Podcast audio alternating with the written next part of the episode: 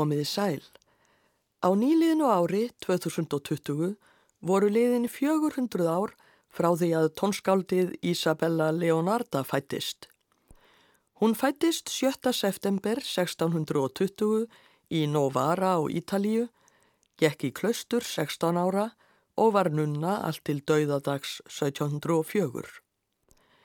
En í klaustrinu lagði hún mikla stund á tónlist og samti um 200 verk, bæði söngverk og hljóðfæraverk og þar á meðal eru fyrstu sónutur konu sem gefnar voru út. Sónutur Isabellu opus 16 sem útkomu 1693. Í þessum þætti verða flutt nokkur af tónverkum Isabellu og það var sónata nr. 9 eftir hana sem hljómsveit Dómkirkjunar í Novara leik hér á undan en Paolo Monticelli stjórnaði. Eins og fram hefur komið fættist Isabella árið 1620 og foreldrar hennar voru greifahjón í borginni Novara í Piemonte héræði á Ítalíu, Gian Antonio Leonardi og kona hans Apollonia. Á þessum tíma tóku ítölsk ættarnöfn á sig kvenkinsmynd ef konur báru þau og þess vegna hétt dóttir Leonardis ekki Isabella Leonardi heldur Isabella Leonarda. Það er því í rauninni eðlilegt að beigja nafnið á íslensku og segja til Isabellu Leonardu, rétt eins og við tölum um skáldsöguna Önnu Karenínu, en þar er um svipaðar nafnareglur að ræða.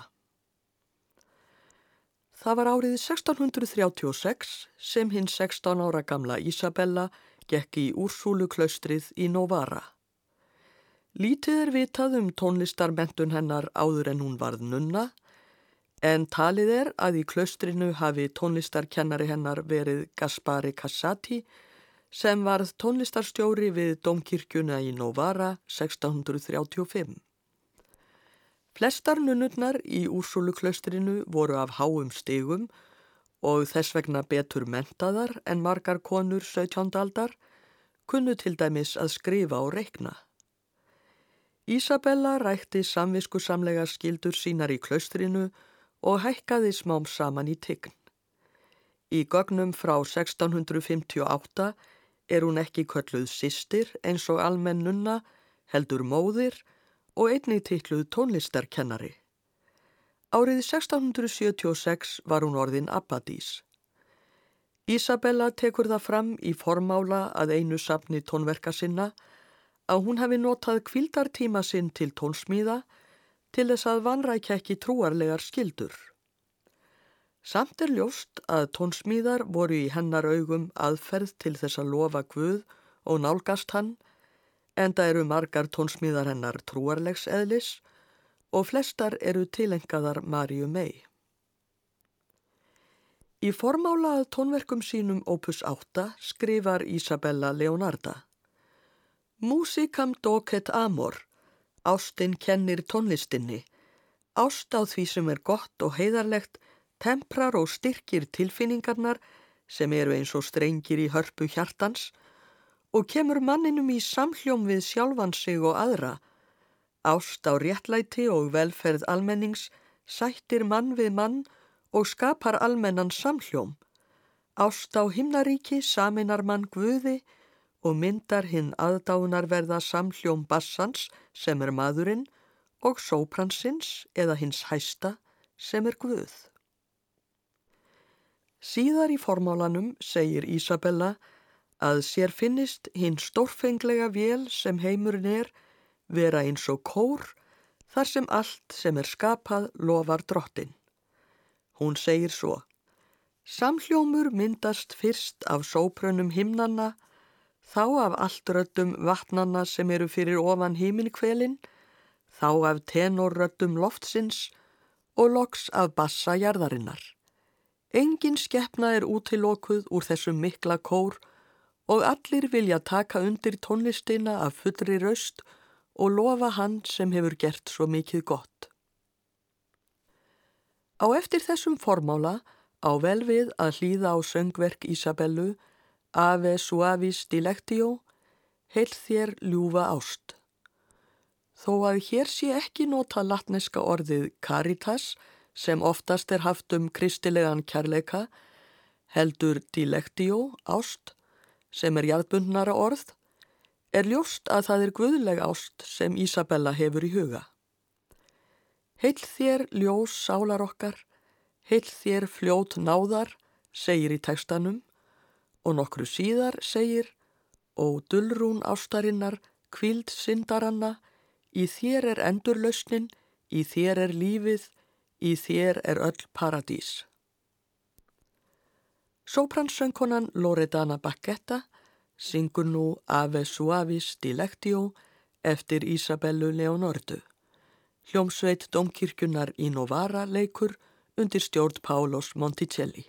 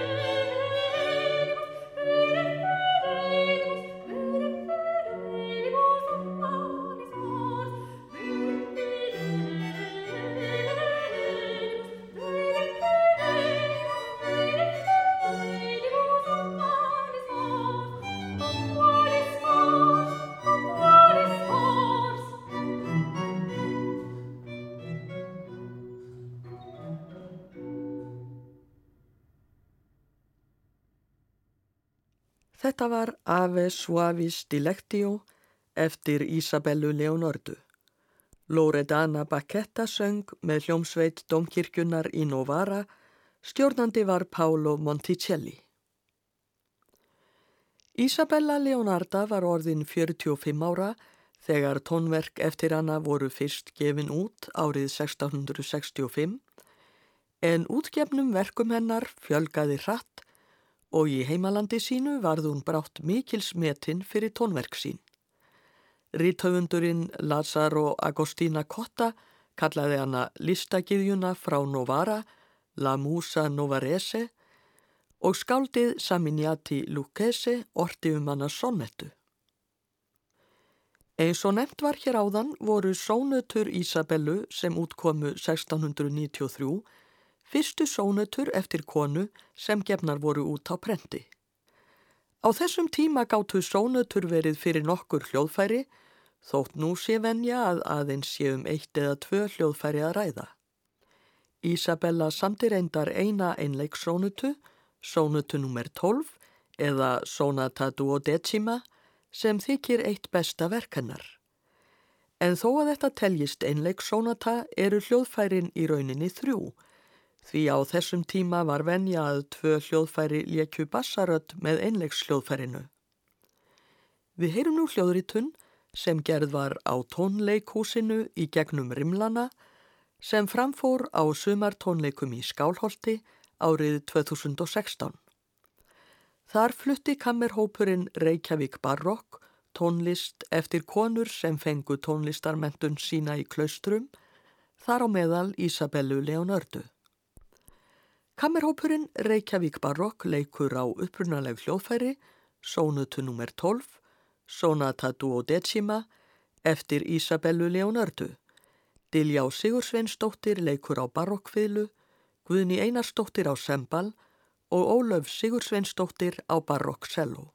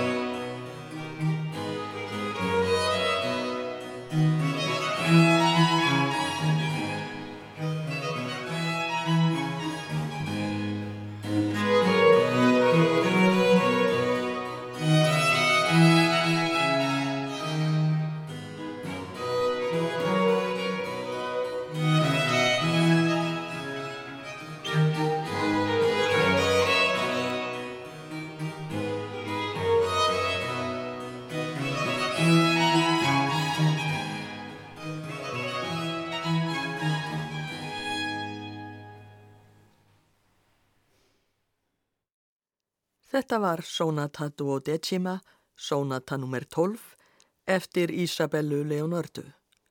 Kammerhópurinn Reykjavík Barokk lék á upprunaleg hljóðfæri, Diljá Sigursveinsdóttir lék á barokkfiðlu, Guðni Einarsdóttir á sembal og Ólöf Sigursveinsdóttir á barokkselló. Hljóðritunin var gerða á sumartónleikum í Skálholti 2016. Það hefur þegar verið tekið fram að Isabella Leonarda tilengaði Marju mei flest verk sín. Hér kemur verk við texta sem beinlinis er egnaður Marju í biblíunni. Það er hinn frægi lofsöngur hennar í Lúkasar Guðspjalli, Önd mín lofar drottin eða Magnificat anima mea dominum. Marja syngur þennan söng þegar hún heimsækir Elisabetu frængu sína til þess að segja henni frá því að hún muni fæða són Guðs. Söngkópurinn Músika Laudantes syngur Magnificat opus 19 nr. 10 eftir Isabellu Leonardu, kórstjóri er Ricardo Doni. Með kornum leikur hljómsveit Dómkirkjunar í Novara, stjórnandi er Paolo Monticelli.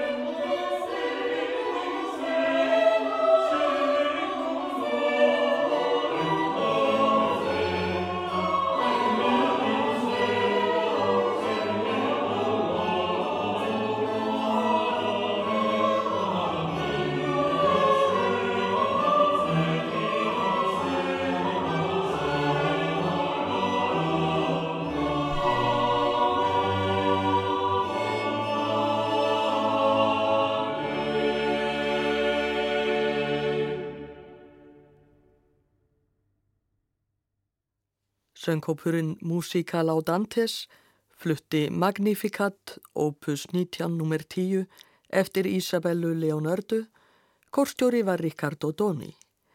Einsöngvarar voru Loredana Bacchetta, sopran, Caterina Calvi, alt, Gianluca Ferrarini, tenor og Luca Ferrazin, bassi. Hljómsveit Domkirkjunar í Novara leik, hljómsveitarstjóri var Paolo Monticelli. Isabella var tæpra 84 ára gömul þegar hún lést 1704 og var það mjög hár aldur á þeim tíma. Við heyrum að lokum stutta tríósónutu, Sonata Quinta, eftir Isabellu Leonardu. Kammerhópurinn Reykjavík Barokkleikur, hljóðritun frá sumartónleikum í Skálholti 2016. Guðbjörg Hlín Guðmundsdóttir og Diljá Sigur Sveinsdóttir leika á barokkfiðlur, Guðni Einarsdóttir á sembal og Ólöf Sigur Sveinsdóttir á barokkselló. Ég þakka hlustendum samfíldina, verði sæl.